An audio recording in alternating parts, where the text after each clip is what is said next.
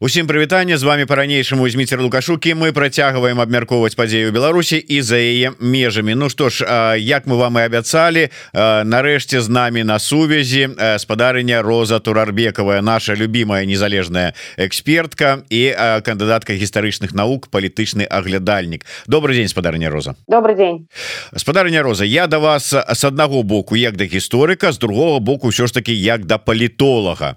А з третьего боку як да чалавека які знаходится находится у Литве. А, так что будете вы як говорят в Одессе ответите нам за за литвинизм.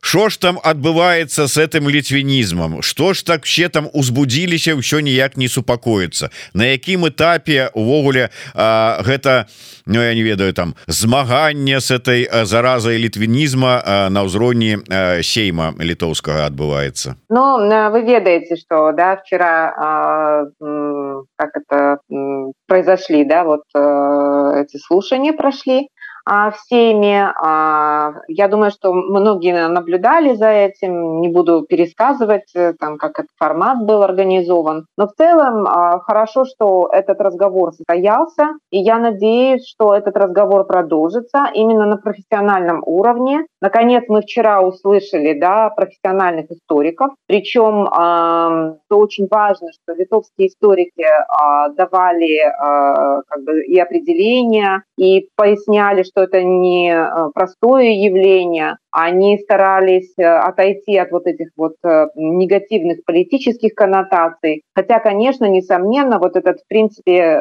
как сказать, застрел, да, тот, который прозвучал из уст главы этого комитета по будущему, я имею в виду господину, господина Лопата, а этот застрел был, очевидно, политическим. Да, то есть, в общем и целом, его запрос был а, таким, что необходимо дать э, оценку, причем оценку литвинизму как э, идеологии, а, которая а, является частью гибридной войны Кремля против Литвы. Вот, что в общем и целом надо определиться с политикой в отношении Беларуси, Республики Беларусь, закрывать границы, ну и читая в отношении белорусов также. И э, это, в свою очередь, вызвало определенное такое желание объясниться, потому что э, очевидно, что мы, э, белорусская и литовская э, стороны, под литвинизмом понимаем, возможно, не одно и то же. Это, во-первых. Во-вторых, вот эта секьюритизация буквально, да, этой этого явления. Как литвинизм, а секьюритизация, а, очевидно, именно литовскими а, властями,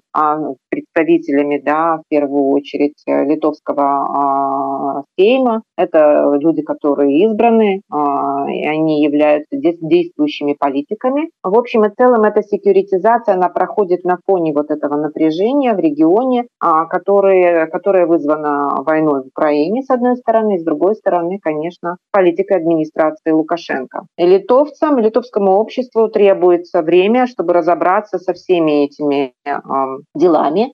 А, насколько я понимаю, были определенные провокации со стороны отдельных лиц. А, вот теперь как бы там Светлана Тихановская выступала, ее вернее было видеообращение во время этих слушаний, что этих провокаторов мы бы сами как бы рады, а, что называется, выявить, а, поймать, зачем они это делают, потому что в конечном итоге а, жертвой всего этого является белорусская диаспора в Литве и белорусско-литовские добрые а, отношения. А, не стоит забывать, что Литва протянула чуть не ли первая да, руку а, белорусским а, демократическим силам и белорусским беженцам, открыла гуманитарный коридор. В результате сейчас в Литве а, находится порядка 60 тысяч белорусов. Для Литвы с э, даже трех миллионов да, населения нет. Это очень серьезно. А, вот, учитывая то, те как бы, страхи и опасения, которые присутствовали и которые были озвучены политически, да, связанные с ЧВК «Вагнер», с ядерным оружием, самое главное, да, с э, вот этой искусственно созданной ситуацией с мигрантским кризисом. Вот все эти вещи, конечно, держат литовское общество в определенном напряжении. И тут появляется некая провокация провокационная вещь под названием вот, э,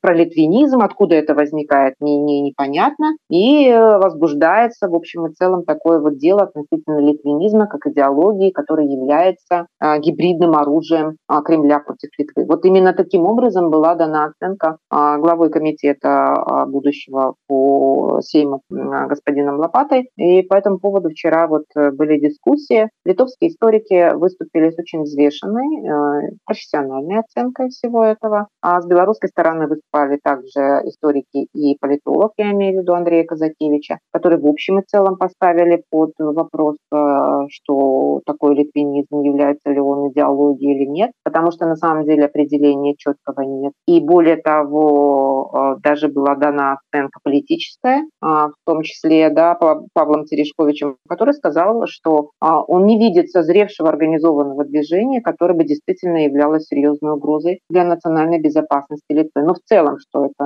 явление настораживает, вот эти провокации, то, что это возбуждено было буквально, вот абсолютно точно цель была обозначена.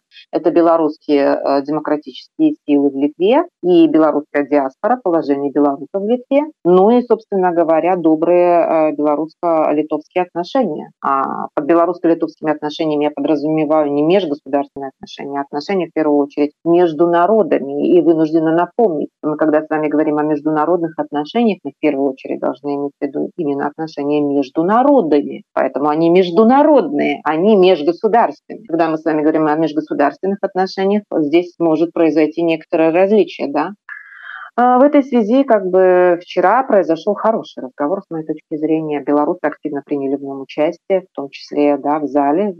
Сидела, сидели представители белорусской диаспоры, которые также вставали, высказывали свое мнение. Все однозначно говорили о том, что никаких территориальных претензий да, и тому подобное а белорусская диаспора не имеет в виду. Обращение Тихановская четко расставила политические все акценты. А вот, ну и научный анализ был на достаточно высоком уровне с обоих сторон. Там там есть, не, там есть предмет для научной дискуссии, но там нет предмета для а, политических таких острых дебатов, которые бы могли вылиться вот э, то, о чем вначале говорил э, господин Лопата.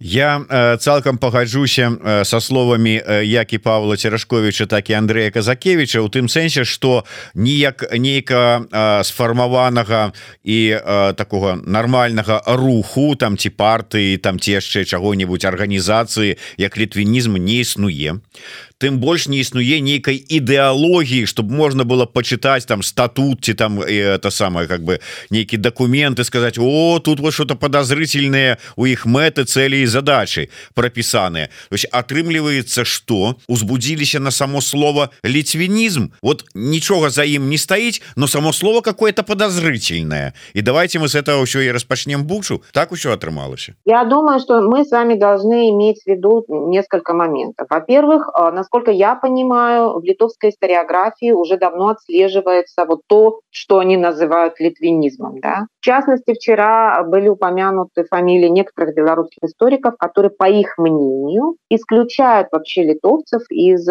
а, тех, кто основал Великое княжество Литовское. И все, всему этому дается, конечно, в первую очередь политическая оценка. Очень сложно бывает этого избежать. Это первое. Второе, второй компонент – это э, нынешняя конъюнктурная сложная да, ситуация, текущая буквально. А по всей вероятности есть определенные группы, которые или лица, которые а, такой вот дискурс э, агрессивно достаточно формулируют, а, на которые отреагировали а, в данном случае да, литовские там, политики. Вот. А для них э, этот вопрос не прояснен до конца. А то, о чем говорил Андрей э, Казакевич и Павел э, Терешкович, это как раз-таки вопрос о том, что подразумевается под литвинизмом и до сих пор определение, которое дается, оно не является результатом академического, академической дискуссии и определенного как, как бы компромисса. Нужны серьезные объективные критерии, вот как те, о которых вы, например, говорили, да, если партия, есть ли программа, куда можно обратиться, посмотреть, почитать и действительно сказать, да, действительно, есть вот такое движение, есть такая идеология, она является там деструктивной, потому что нацелена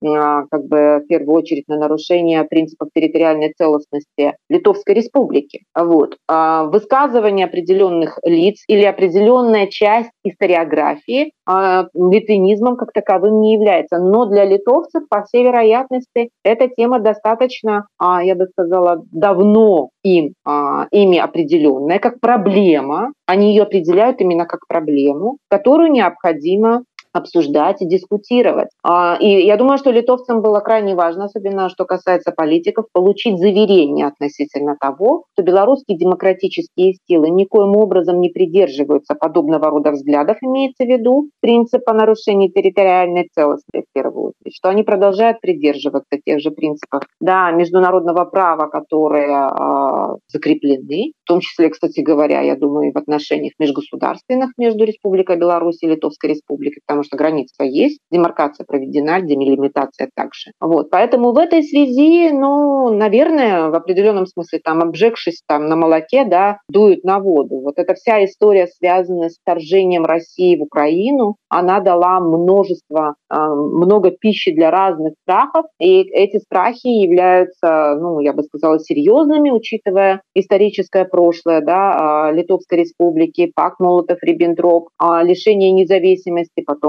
выход из Советского Союза и в конечном итоге обретение независимости. Это все происходило в достаточно драматичном ключе, и для литовцев крайне важно получить, по всей вероятности, политические заверения того, что белорусы никоим образом не претендуют на хотя бы вот это, скажем так. И я думаю, что есть еще проблема, связанная с определенным э, с политической кампанией в Литве. А в общем и целом это такой вопрос и такая эмоция, я имею в виду страх, который может быть в определенном смысле являться подспорьем для определенных политических кампаний. Я надеюсь, что это не так. Я надеюсь, что в общем и целом произойдет определенный спад. Часть э, ответов вчера уже прозвучала на те вопросы, которые задаются, которыми задается литовская сторона. А, в общем и целом белорусы, находящиеся в Литве, не разделяют никоим образом такого рода провокационные действия или заявления отдельных а, каких-то фигур и лиц. А, вот. Э, и, собственно, то, о чем сказала Тихановская, мы здесь временно, и как только у нас возникает э, возможность вернуться, и, есть, все, кто демократические силы, находящиеся в Литве, не думаю, не, не только в Литве, но и в Польше, вернуться в страну, а, в Республику Беларусь. Я думаю, что это был хороший такой опыт слушаний. Благодаря демократическим процедурам в Литве стало возможным, чтобы белорусов услышали, а, в том числе и на площадке Сейма. Вы фактычна тут адказалі, але я б можа быть абвастрыў, каб вы больш так канцэнтравана это пытанне яшчэ раз закранули. Ўсё ж таки вот выдатна прайшлі слуханні я тут з вами цалкам згодны. Прогучалі абгрунтаванне гісторыкаў навукоўцаў там па аргументы прогучалі але ёсць такая рэч банальная называется палітычная кан'юктура і патрэбы сённяшняга дня палітычныя і калі сёння узнімаць это пытанне і педалировать его палітычна выгодна то якія б аргументы навукоўцаў не былі будуць эту тэму педалировать. І таму вот я кажу ці няма небяспекі что сапраўды нягледзячы на гэтыя слуханні нагледзячы гэтыя аргументы сёння на фоне блізкіх выбарчых электаральных кампаній той же самой літве а падчас любой кампаніі у любой краіне тэма знешняга ворага там ці ўнутранага ворага ці яшчэ яко заўсёды вельмі добра працуе ці вот няма небяспекі что гэта і працягне яшчэ накручиваться раскручиваться гэтая тема ну поживем увидим я не могу сказать за литовскую сторону но я уверена в том что среди литовских политиков и литовских общественных политических организаций достаточно людей со здравым смыслом которые понимают что в первую очередь это не выгодно собственно литовской стороне собственно литовскому обществу возбуждение такого рода вопросов которые связаны с такими чувствительными темами, а это палка о двух концах. И это палка о двух концах, которая может не только ударить по литовской стороне, но и в целом на, на международном и региональном уровне. А самое главное, что это может служить народу, Лукашенко. О чем вчера, кстати говоря, белорусы и говорили, что а, в общем и целом, кто является целью? Цель, цель-то э, вот таргетированная, да, вот эта вот группа, э, какая? Это не, не литовское общество, а как раз-таки под ударом находится белорусская диаспора в Литве. Это их положение, да, вернее, положение тех людей, которые находятся в Литве, в том числе и мое положение, да, является уязвимым. Вот, поэтому, э, с моей точки зрения, вот хорошо, что эта дискуссия состоялась, и у литовской стороны, в том числе и у литовских историков и политиков, была возможность взглянуть на эту ситуацию с этой стороны. И вот эта провокация, она была, она носит такой очень э, целенаправленный характер, и я надеюсь, что эта провокация будет, рас, как ее распустят как провокацию, и не будут играть в эту провокацию. А то, о чем говорили белорусы, белорусы слишком много да, а, за, это, за эти три года пережили и понимают прекрасно, вот в том числе и на примере да, отношений а, с украинским обществом, насколько чувствительная эта тема хорошо разыгрывается, по всей вероятности, разного рода фабриками троллей, а кремлевскими и теперь уже и белорусскими фабриками троллей, которые перенимают весь лучший опыт старшего брата и разыгрывают это также и у себя. Кто является настоящим бенефициаром всего этого? Настоящим бенефициаром всего этого будет э, являться режим Лукашенко и Кремль. И я думаю, что вот как раз именно такой, такая точка зрения, выраженная а, белорусами вчера на слушаниях, она должна быть услышана. Да, ну, спадзяюся, что сапраўды пачуюць. Э, давайте да іншых тэмаў. Э, ведаеце, не могу не э, как бы як у якасці подводки відаць возьму гэтую інфармацыю просто не могу пройсці мимо читаю про российская активістка из гродно недовольна могилевским секс-шопом вот как бы узровень просто незадаволенасці мяне вольмі вот сядзіць человеку гродно но незадаволены что там как бы вот у могилёве секс-шопами адбываецца і увогуле хвалюецца за могилёўцаў але ну і не здзіўлюся калі вот по гэтай доносу закрыюць у могилёве але вот как бы як працяг того что вот этого трэша что адбываецца раду БНР оказывается не толькі прызналі нацысцкім там нейкай фармаваннем нацысцкай арганізацыяй але і распачалі там крымінальную справу там по сколькі там сямі там ці калькі там артыкулах аб'яві абвінавачваўся абвініўшы ва ўсім чым толькі можна. Прокоп'ева ізноўку таксама там по сямі артыкулаў. Завялі справу крымінальную на усіх удзельнікаў дабрачыннага марафона нам не ўсё одно а А, вот гэта как бы працяг. Я тут мне больш нават слова у сітуацыя с радай БНР і прызнанне нацысцкім нацысцкай нейкай вот обозвали нацыстами то есть вот это не мы фашисты это вы фашисты гэта вот нормально для тоталітарных режимаў усіх вот адразу называть фашистами нацыстами там яшчэ невядома кім. Ну конечно врагами буржуями ну теперь буржуями не называют. Ну да вот из извлекают из истории вот эти негативные негативные да, а, примеры и делают ярлыки и расклеивают. А я думаю, что в Беларуси сейчас э, есть два скажем, тренда. Да? Первый тренд, так скажем, потыкаясь, доказывать, бежать и доказывать свою лояльность. Это первый тренд. И тут все средства хороши. Там, Раду ли БНР, там, ну, как бы уже во все тяжкие да, пошли. Раду ли БНР, там, еще кого-то, по второму кругу еще кого-то. Это, это не имеет значения. Главное доказать свою лояльность.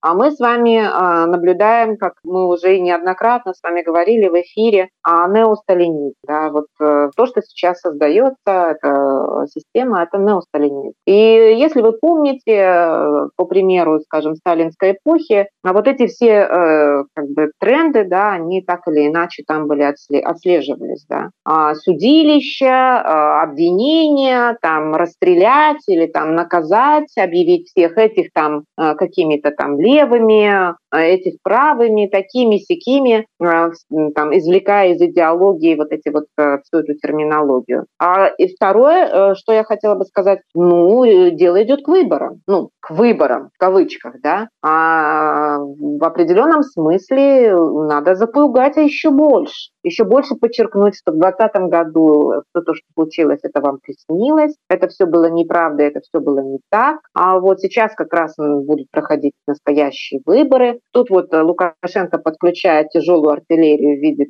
Качановой, которая будет демонстрировать э, социальную направленность государства, не только социальную, но и теперь уже, да, вот эту вот ценностную составляющую и замечательные ее эти речи относительно там семей, что надо рожать и, про, и так далее и тому подобное, да, вот э, с православием, со всеми этими ой, я бы сказала, приметами да, э, мракобесия, э, где в системе а, не отделяется одно от другого, нет разделения властей, нет системы сдержек и противовесов, наоборот, все соединяется воедино, объявляется это все третьим там каким-то особенным путем развития. Вот, а на самом деле все это так или иначе, конечно, напоминает различного рода вот такие репрессивные режимы. А вот все возможные репрессивные практики сейчас используются, все возможные примеры из сталинской эпохи поднимаются и внедряются. А вот все, что касается системы распределения, принуждения, закрепления, закрепления на месте, то есть это, это все вот эти вот э, скрепы, в кавычках, да, начиная от крепостного права, заканчивая э, распределением, да, а все это так или иначе сегодня мы с вами наблюдаем. И, э, ну, что можно сказать? Тем путем, каким вот, о котором мы с вами говорили, тем путем они назад, прошлое. Там не вперед в будущее, а назад в прошлое.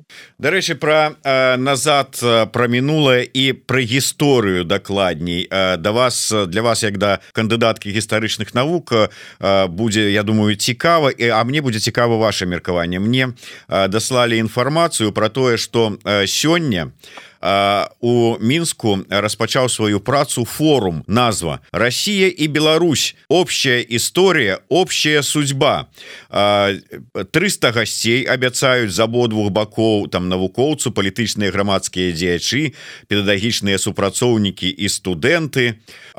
Я вот цытата на языке оригинала мэта гэтага ўсяго форума. Нам необходимо вместе работать над сохранением исторической памяти отвечать на внешние вызовы и угрозы по переписыванию и грубой фальсификации общих исторических периодов отметил лакиза. Одним из важнейших направлений остается память о великой отечественной войне. Мы должны не забывать об этом событии ну и так далее и так далее. И а, самое головное там а, цита, у цитате было а, про тое что форум это наш совместный научный идеологический ответ на современные вызовы и угрозы со стороны соседних стран и коллективного запада в отношении союзного государства нашей страны историки сегодня оказались на передовой информационной войны а вы в той же час знаходитесь за межами удрали от войны и не э, не удзельнічаете не в окопах гістарычных э, этих семінараў але ввогуле а калі, калі сур'ёзна что адбываецца вот пра што сведчаць гэта здаецца не першы такі э, форум беларускіх і расійскіх гісторыкаў на нейкую вось такую прыблізную тэму да чаго ўсё ідзе Ну на самом деле речь идет о том чтобы писать не историю а писать э, пропаганду в общем и целом а, ну во-первых э, все это как бы достаточно понятно и закономерно э, очень грустно конечно речь не идет о науке речь идет об идеологии причем идеологии как таковой э, в общем и целом нет. Она носит такой очень э, гибридный характер. А, они не могут даже отвечать тем стандартам, хотя бы, которые были когда-то заложены при марксизме, марксизмом, ленинизмом. А, в свое время, а, просто сейчас уже могу сказать об этом, когда так аккуратно спрашивали меня, может быть, все-таки ваш сын будет там поступать, там, поступать там, то в пионер или то ли в БРСМ, БРСМ, наверное, скорее всего, речь шла о БРСМ. А я задала очень э, как бы, конкретный вопрос. А какое отношение БРСМ, вот идеологии БРСМ, какое отношение идет к э, Богу? Вот БРСМ, что сказано в идеологии БРСМ? Верите в Бога или не верите в Бога? И как, какое отношение к исламу, например? Э, не нашлись мне что сказать. Я сказала, ну, знаете, тогда по религиозным соображениям я все-таки э, против того, чтобы мой ребенок являлся членом БРСМ. Вы не отвечаете на основной вопрос. Что первично?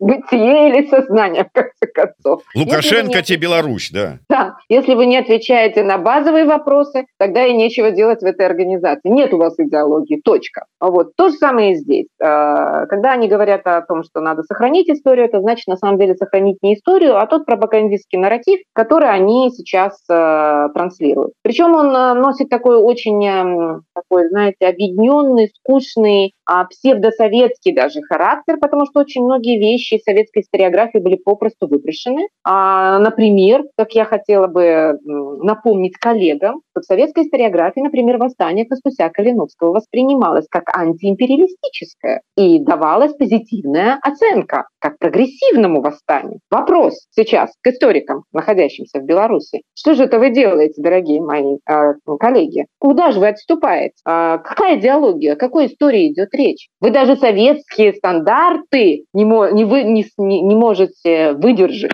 я бы сказала так. Потому что у вас нет идеологии. Вы говорите то, что угодно одному человеку. Э, пардон, двум людям. Да? Я имею в виду Путина еще. Поэтому ни о какой истории, как о науке речь не идет. Речь идет о пропаганде, которая должна так или иначе а, обосновывать а, наличие власти а, в концентрированном виде в одних руках, без каких бы то ни было ограничений. Вот и вся ваша идеология, господа. Можете дальше и не заседать. Что касается союзного государства, у меня тоже опять обращение к моим коллегам. Вы э, открывали э, карты дорожные союзного государства? Где там про идеологию? Что там вообще? Вы понимаете, что проект союзного государства нацелен на э, лишение Беларуси? Не зависит. Как вы к этому относитесь? Какая оценка будет звучать из ваших уст? Что такое дорожные карты, вернее, союзные программы? Почему эти союзные программы до сих пор не оценены должным образом? Э, вот где, как не на этом форуме, открыть панель по оценке а, союзных программ и вопрос об угрозе а, суверенитета Республики Беларусь. А она там есть. Конкретно есть дорожная карта, союзная программа относительно а, гармонизации косвенных налогов. Начнем с этого. Там еще и про таможню. И это только а, первый этап а, союзной интеграции в кавычках. А будет следующий этап. А мы до сих пор на руках не имеем эти союзные программы. Вопрос к историкам. Вы до сих пор не знаете, что будет дальше. А ведь э, перечень программ уже существует, но вам его не дают. Какая же история без документов? Что, о чем вы будете говорить? О чем вы будете писать? Ни о чем. Вы не знаете истории. Вы не читаете союзных программ. Вы не даете реальной, настоящей, адекватной оценки тому, что происходит в рамках так называемого союзного государства. А я могу сказать после того, как занималась изучением как раз именно союзных программ. Это реваншистский проект, нацеленный на поглощение Республики Беларусь. Точка. Все. Ну і э, гісторыкі ці там удзельнікі гэтага форуму як там было написано там навукоўцы палітычныя грамадскія дзеячы. Ну яны гэта выдатна разумеюць і як людзі практычныя Ну шукаюць сабе месца ў гэтай новой сістэме будучай. Ну да тогда собственно говоря э, их э, как бы цели таковы. Как одна моя одна не моя дипломница но было такой в моей э, практике такая история как одна дипломница написала цель дипломной работы тире защита ее как таковой вот я думаю что в конечном итоге эм, участникам этого форума надо честно признаться. Цель этого форума заключается в защите участников форума как таковой вот ну с одного боку да але с другого боку то есть атрымліваецца что ўсё ж таки ну нейкіе прапрацоўваюцца ці выпрацоўваюцца наратывы якімі будуць тлумачыць знікнення Беларусі як незалежнага суб'екта сувереннага ну, создание союзного государства. Как сказал такая извините меня по-моему он троллил лукашенко тогда. Ну это моя да оценка того что сказал такая. А, как он сказал что создают нечто уникальное в истории еще никому не известное под названием союзное государство где у них это то есть у беларуси и россии даже ядерное оружие на двоих. И по-моему это был извините э, не позитивная оценка по-моему это был откровенный троллинг. Ну да такой вот нарратив вот такой вот наверное будет вот яшчэ до вас будзе я так думаю мы працягнем вашу тэму с одного боку з другого про міжнародныя адносіны. Міждзяржаўны можа быть так але і міжнародныя таксама. Памятаеце як мы з вами с таким с одного боку сумным смехам прыгадывалі ці разважалі про тое як выслужыўся шпаковскі як яго аддзячылі. І там думали А вот что там дерманту светицу з гэтай нагоды там пеце петровскому так петя петровский получил тоже свою медаль. Вот я не знала ну, ну вот бачыце я читаю просто навіну радио Беларусь запуская новое пропагандысцкое ток-шоу мысли о Польше лукашисты плануете же ежедневно вещать свои нарративы в радиоэфиры на Ютубе и других ресурсов вести передачу будзе пропагандыст Петр Петровский. На а, Польшу. ну, только шоу только шоу. Я-то думала у него действительно посада. Нет это пока еще к сожалению не, не медали слушайте ну не все одразу. Вот азаронок пошел там в это сам подметать за а, а, суместно працаваць разом с соловьевым у этого вот свое шоу. Потым глядишь может быть со скобеевой там где-нибудь там что-нибудь их атрымается сложится а почему сразу бы ты не отдать петровскому а? ну не все одразу покуль яшчэ месца ну, не нашли так, э, мужу Эйсман, этой самой пресс-секретарки. Ну, да но Эйсман там по-моему засиделся по-моему там пора как бы менять уже и потом что это такое? Муж на БТ а она там пресс-секретарь по-моему это не дело. Надо разделять все-таки как там личное и общественное. По-моему я предлагаю все-таки ну як, якое разделение? Вот поглядите у нас мы живем э, ну яны там живут у союзной державе. Вот поглядите суб'ект союзной державы Чечня. Кадыров прызначыў свою дочку вице-прэм'ером ну вот вот на, на России такое вот принято. У Беларуси э, Витя лукашенко кимен там сябра саўбеза был все парадку вы хотите сказать что эйсманты в будущем могут претендовать на позицию более высокую нежели чем там глава БТ и пресс-секретарь? А, может еще выше? Это знаете то что позволено там сказать кому-то там царю да то всем остальным навряд ли. Я бы на месте лукашенко бы как бы подумала. Не слишком ли это? Вот. Но это конечно мы с вами шутим но на самом деле если говорить об этом шоу. Да я, я теперь поняла о каком шоу вы говорили. Я мельком видела новость. А вот и этот пропагандистский ход но э, в общем и целом я не думаю чтобы э, он серьезно имел воздействие на польское общество. Просто попытки эти, использовать такие инструменты они свидетельствуют о том что э, об обострении да, э, отношений с республикой польша. Если вы помните буквально недавно были попытки да там смягчить пригласить там на что там на совместное учение и так далее. Ну а раз э, речь идет об открытии такого шоу по всей вероятности курс подтверждается да курс тот тот же самый. На обострение отношений на разрыв отношений на то чтобы э, так или иначе рассматривать своих соседей в качестве врагов.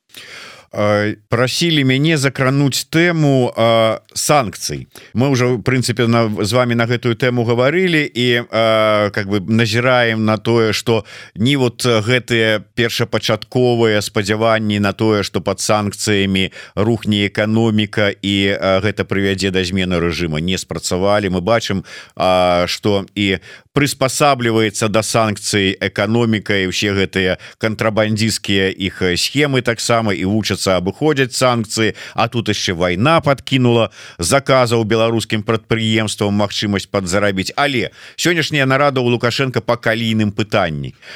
Івогуле прыезд алейніка на генасамблею аан с тезісам про тое что вот санкцыі это зло. Это сведчанне того что що ж таки паку покусывают санкции э, лукашенковские там режим тине санкции работают точка. Вопрос как да? То есть э, они может быть не всегда срабатывают так как мы воображали или мы возлагали чрезмерные надежды на это. Это во-первых. Во-вторых торговые санкции то есть то что было наложено на экспорт это те санкции которые как правило обходятся но они обходятся еще и дорогой ценой теми а, а, на кого это было на наложено поэтому что касается калия э, я э, думаю что в общем и целом все не так радужно как говорит а, как бодро рапортует Головченко об этом. А потом впоследствии они же были вынуждены признать, что потери были существенными. Ну, конечно, существенными. Это не могло быть, скажем так, какой-то там легким покусыванием комарика, понимаете? Это совсем серьезные вещи были. Утрата украинского рынка и падение да, торговли с Украиной, третьим торговым партнером Республики Беларусь. Это было очень существенно. Потеря украинского рынка, премиального рынка для, для Беларуси, это было очень существенно. Сверху еще и европейские санкции. Европейские санкции, да, скорее всего, эти санкции обходят. Но обхождение этих санкций само по себе стоит очень серьезно. То есть то, о чем вы говорите, адаптация, это же не просто адаптация, это же попытка, это же э, кто-то же все равно должен был заплатить за эти санкции. Как правило, за это платили а, те предприятия, на которых, э, на которые эти санкции были возложены. Кто-то, конечно, на этом заработал. Второй момент. Третий момент.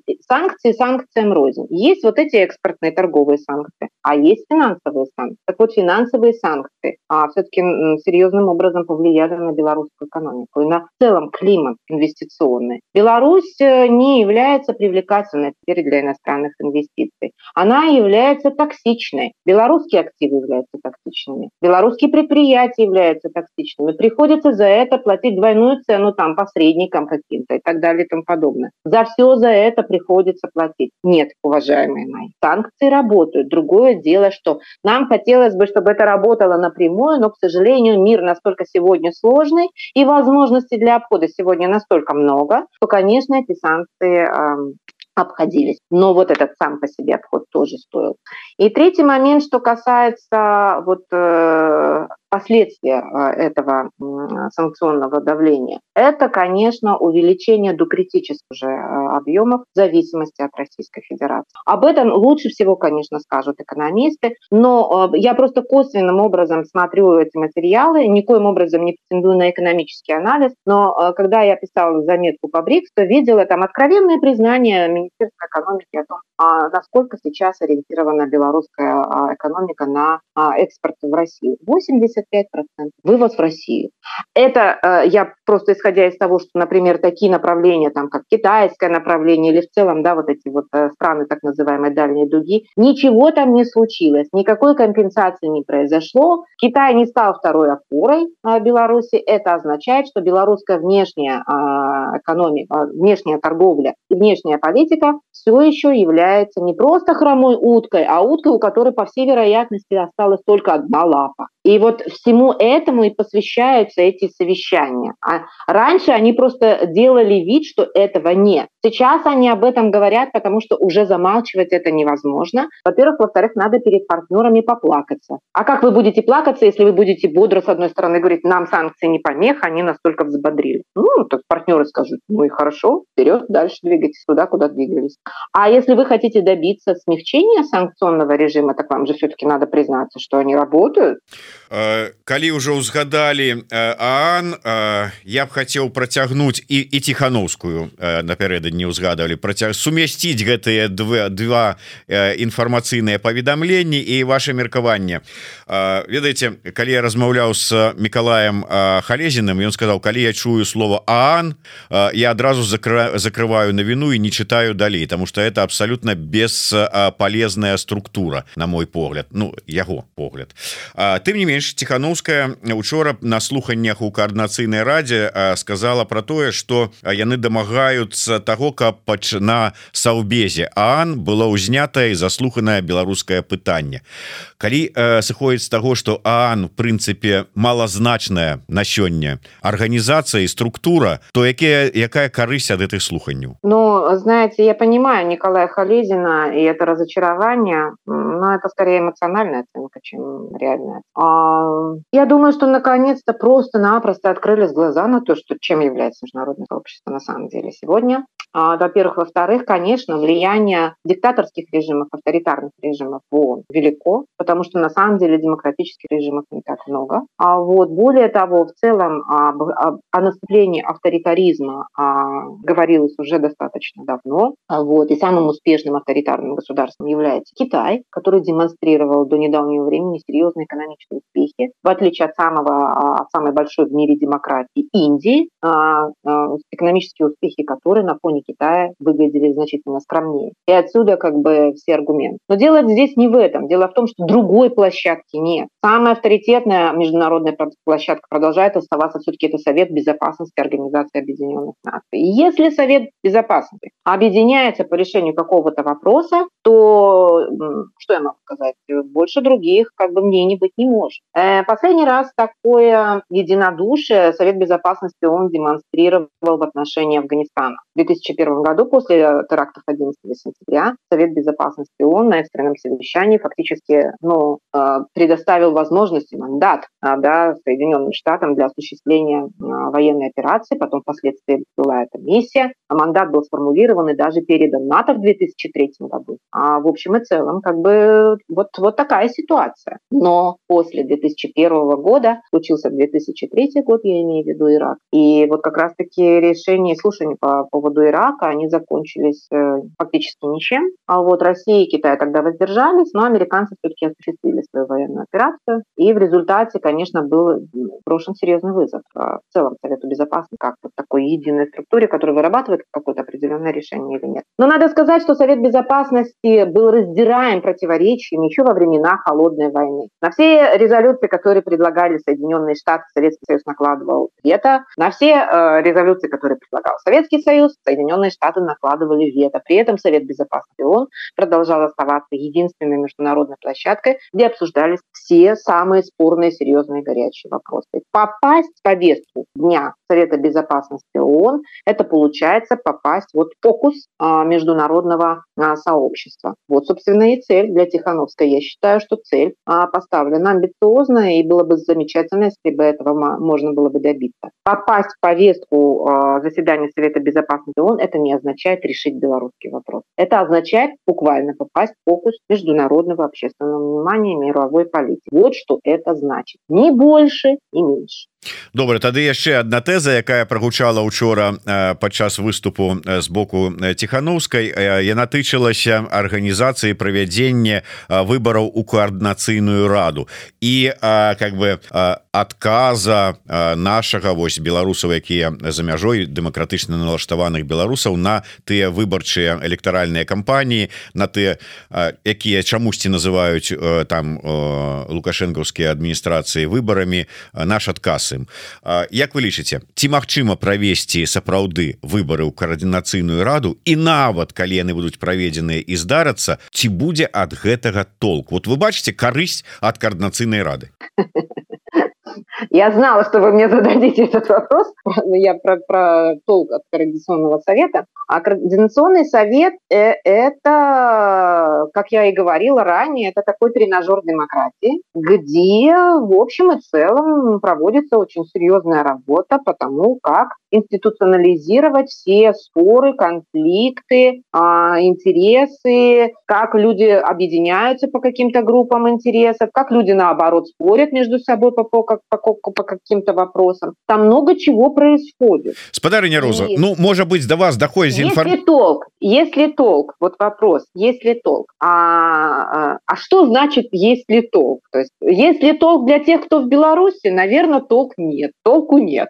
Если толк для тех, кто за пределами Беларуси, я имею в виду белорусскую диаспору, белорусские демократические силы, колоссальный толк. Вот. Что касается выборов, будут они или нет, а, что от них вообще как будет, будет ли толк от этих выборов? А, у меня еще нет готового ответа на ваш вопрос, но я хочу сказать следующее. Дорогу осилит идущий. Надо, надо двигаться, надо делать. А там немало энтузиастов, которые предлагали свои проекты того, как надо проводить эти выборы. Там идет серьезная дискуссия и очень горячие споры. А, есть ли от этого толк? Будет ли от этого толк? Я считаю, что есть, потому что ну, учатся демократии, учатся тому, а, как соблюдать эти демократические принципы и так далее и тому подобное. Будут ли участвовать граждане Беларуси, находящиеся внутри Беларуси, это зависит от них. Я за них ответить не могу. Э, сейчас дать экспертную оценку тоже не могу, потому что у меня нет на руках, как говорится, тех материалов, которые бы подтверждали а, желание белорусов принимать участие в этих выборах. Поэтому я скажу так, как вчера сказал Терешкович, который говорил о том, что с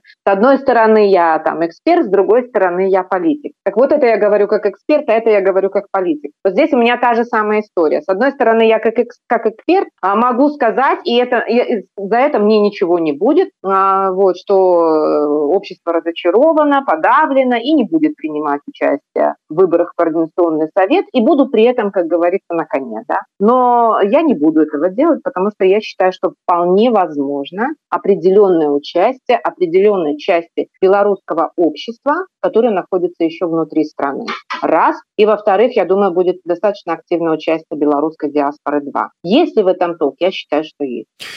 Ведаеце я не з'яўляюся сябрам коаардынацыйнай рады і у мяне няма магчымасці онлайн сачыць за тым что адбываецца у адрозненне от вас дарэчы Ну вы таксама не сябра но онлайн сачыць можете по вообще-то я член А ну тым больш ты тады тым больш вы можа быть мяне абвергнеце дакладней ты тую інфармацыю якую якая до мяне доходзіць А до мяне доходзіць такая інфармацыя что актыўнасць сярод дэлегатаў коаардынацыйнай рады зараз на нуле і галасавання амаль что не адбываецца хотя б таму нават просто з-за того что не набіраецца неабходны кворум для галасавання і для того каб пераадолець вось гэтую сітуацыю ўжо нават зарэгістраваны там як это правильно сказать Ну у, у Беларусі мы б сказали законопроект зарэгістраваны про с прапановай аб зніжэнні планки неабходная колькасці для кворума.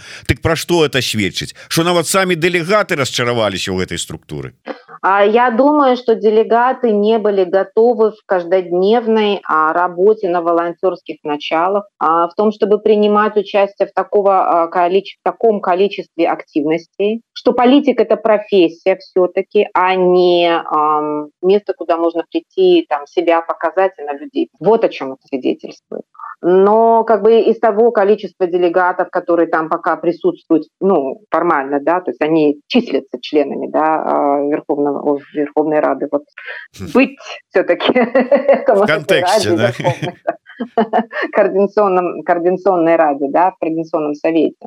А, да, действительно, незначительно, не, не, как это незначительно, относительно, а, относительное меньшинство, да, относительное меньшинство активно, причем это костяк, это люди, которые постоянно работают, и остальные выполняют определенную функцию, иногда статистов, иногда подключаются, иногда а, исключаются, выбирают для себя удобную форму активности, как это делаю, например, я. А, вот, я работаю а, в составе международного международной комиссии. И э, свою функцию да, я вижу в том, чтобы я свою функцию вижу в экспертизе. То есть я предлагаю свою экспертизу, э, рассказываю, э, что и как, э, помогаю и в написании определенных документов, голосую по определенным вопросам. Не всегда успеваю, например, принимать участие во всех дискуссиях. Это невозможно, с моей точки зрения, при той занятости, которая у меня. Но, но сказать, что я при этом если меня, например, не было на общем заседании Координационного совета, но если я присутствую да, на всех заседаниях комиссии, международной комиссии, если я не принимаю участие в разработке всех документов Координационного совета, но при этом принимаю участие в разработке документов, которые выдвигают на голосование комиссии, как меня можно назвать? Можно ли меня назвать там балласт? Я так нескромно замечу, я не считаю себя балласт. Я выбираю ту форму активности, которая мне, а, которая мне мне по плечу. И я это делаю. Считаю, что делаю определенный вклад. А вот понимаю разочарование, понимаю, что изначально думалось, что это все немножко будет по-другому, что вот на энтузиазме вот это энное количество людей будет заседать а раз в неделю. Это только общее собрание, еще есть комиссии, группы, есть еще фракции, в конце концов. Да? То есть это, это очень большая работа, не просто заседать, не просто говорить свое мнение, но и принимать участие в разработке документов, голосовать, и еще раз принимать участие в обсуждении, обосновывать э, свою точку зрения и так далее и тому подобное. В общем и целом, а, все это это делать, а, в конечном итоге есть определенный костяк, на котором держится вся работа всего Координационного совета. Их не пять человек, и даже не десять, их несколько десятков. И я считаю, что это весьма неплохо. А вот при всем при том, что это люди профессиональные, которые тянут на себе фактически всю работу Координационного совета. Поэтому а моя оценка не пессимистичная. Она, конечно, возможно, не такая вау-оптимистичная, а вот, э, не вау такая оптимистичная, но она где-то посредине. Делаем посильную работу. Я считаю, что весьма неплохо делаем на волонтерских началах, бесплатно. Господарня Роза, а можно я у вас, вот, ведаете, как журналисты говорят, что э, як поведомила наша крыница у координацыйной раде, вот я до вас, як до своей крыницы у координацыйной раде, я просто э, днями гартаў э, сайт координацыйной раде э, подраздел сябры координацыйной рады. И вот тут вот есть э, такі выдатны э, эканаміст Сергей чалы вот тут вот вот вот вот он вот тут ага, вот з гэтага ага, боку А скажите мне як часто ён прымае удзел у галасаванні? Не могу сказать как часто потому что я совсем недавно стала членом координационного совета и когда идет заседание, то как бы я вижу, там, это же обычно заседание, да, онлайн, я вижу энное количество людей, но далеко не всех э, можно идентифицировать, потому что далеко не все заходят, э, ну, там, ник например, да, у меня вряд ли, если вы не знаете, какой мой ник, вряд ли вы сможете узнать, кто это. Поэтому я далеко не всех знаю, возможно, он и заседает. Э, последний раз я видела, что он э, находился на заседании там, где выступала Тихановская, я имею в виду то, что было вчера заседание вообще. Вроде он там присутствовал. Ну вот, поэтому не могу сказать. Не вот да, я думал, вы зараз расскажете, что он входит в пятерку самых Нет, активных. я думаю, что из меня инсайт не очень, скажем прямо, потому что я в целом же говорю о том, что я тоже заседаю далеко не всегда и не везде, а вот, но считаю своим долгом делать вот это, вот это, вот это. Это мой участок работы, который вот я для себя лично определила, и я стараюсь его придерживать. Стараюсь а... делать то, что от меня возможно. Так, у нас амаль э, гадзіну мы з вами ўжо гаворым. Я разумею, што і так вас затрымліваюць, але ў мяне ёсць два кароткіх пытання. Перад імі я нагадаю усім яшчэ раз э, пра неабходнасць просто э, каму цікава атрымліваць э, цікавую інфармацыю. Ладно, ўжо пра інсайды не, не гаворым, ну хотя б цікавую інфармацыю подписывайтеся на телеграм-канал спадарыні розы ён у нас тут будзе спасылочка Ну і не забывайтеся про YouTube канал еврорадыо ставьте свае падабайки націскайте на звоночек расширвайте задавайте пытанні Ну і так далей Ну і да, дарэчы хто ўсё ж таки хоча і я раю гэта зрабіць атрымаць і даведацца нацыянальную ідэю от спадарыні розы турарбекавай то вось таких кніг засталося вельмі мало я патлумачу хуткім часе чаму вельмі мало засталося ўсіх кніг про нацыянальную ідэю і чаму я раю іх набываць пакуль ёсць такая магчымасць але пакуль вот просто намекаю что не так шмат. Таким чынам спадарня роза одно пытанне. Ёсць такая ну, что штотыднёвая справаздача по колькасці спробаў нелегальных мігрантаў прайсці праз мяжу з Беларусі.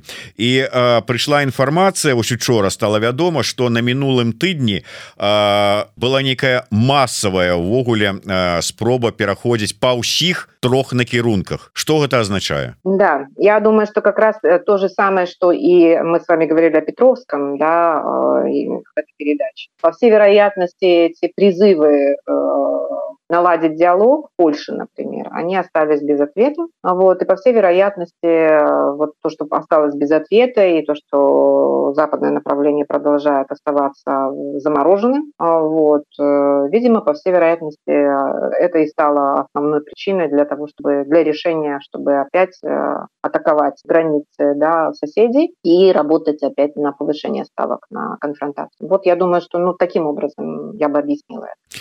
Ну и на завершение завершэнне наша любимая з ваш з вами тэма гэта рымскі статут.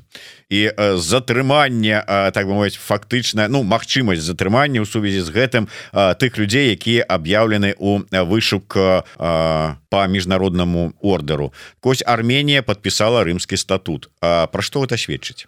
Про расійская Арменія як шмат разоў казалі. Что гэта означае Я думаю о том, что сейчас происходит переоценка, наверное, да, не только у армянского правительства, их, как это сказать, приоритетов, да, во внешней политике и безопасности, но и у общества. И э, ставка на Россию, на то, что Россия будет защищать интересы Армении, по всей вероятности, ну, очевидный крах этого влечет за собой переориентацию, наверное, внешней политики Армении. И э, я думаю, что это определенные авансы Европы и США, тем, чтобы э, найти большую поддержку у них а, в будущем, потому что для них а, все еще вопросы безопасности стоят очень а, серьезно. Армяне должны готовиться к тому, что придется отстаивать свои интересы в весьма непростых условиях. Тогда, когда Азербайджан очень долго готовился к войне, и не только он готовился к войне с точки зрения военной, но они дипломатически к этому готовились, что Армении предстоит отстаивать интересы не только ну, свои, в том числе, да, интересы армян, которые сейчас э, бегут из Нагорного Карабаха, а, и положение армян в Нагорном Карабахе. Все это выносить на площадке международной, значит апеллировать к правам человека, значит э, заручаться поддержкой Европейского Союза Соединенных Штатов. Это невозможно сделать, если э, вы не делаете взаимно что-то. Я думаю, что вот как раз подписание Римского статута является вот этим э, ну, шагом.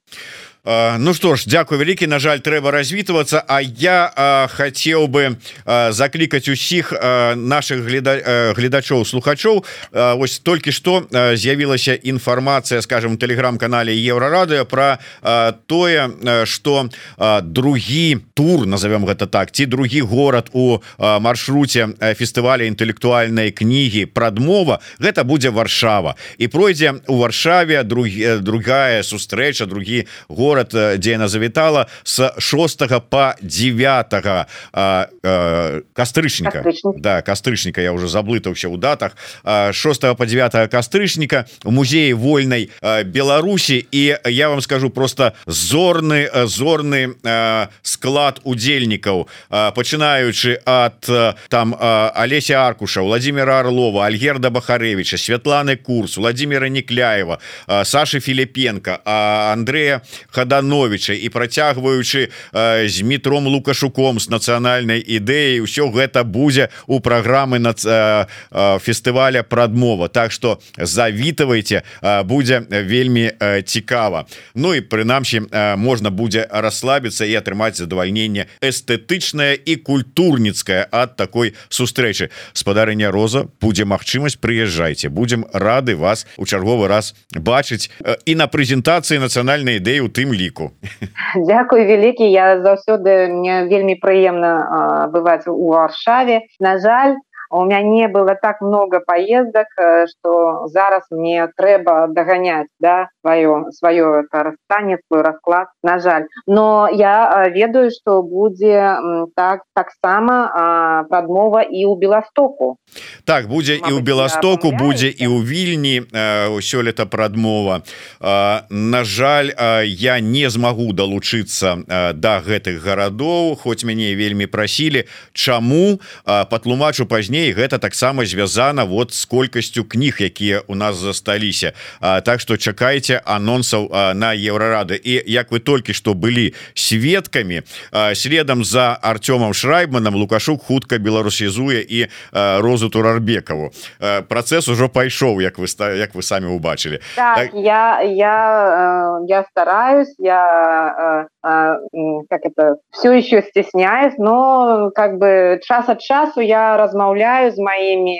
сябрамі і калегамі на беларускай мове прабачце за маю мову не вельмі чыстую. Я, я, я, я, я ведаю гэта что у меня такая не беларуская мова а как, как я говорю мешанка еще это не не трасянка но это такая мешанка. Ну, Дякую вялікі за Слушайте, ну спадарня роза я выдатна ведаю і разумею что калі вы пачыналі там скажем размаўляць там вывучаючы англійскую мову по-англійску вы не заговорили адразу як прынцесса Диана. Як і я там не не магу загаварыць адразу як дуда тут по-польску. Так что ўсё паступова ўсё адразу. Не ўсё адразу. Яшчэ раз Дякую вялікі спадарыне роза розе. Подписывайтеся на яе телеграм-канал. Ну а я з вами развітваюся і нагадываю про неабходнасць подписываться на YouTube канал еврорады жыве Беларусь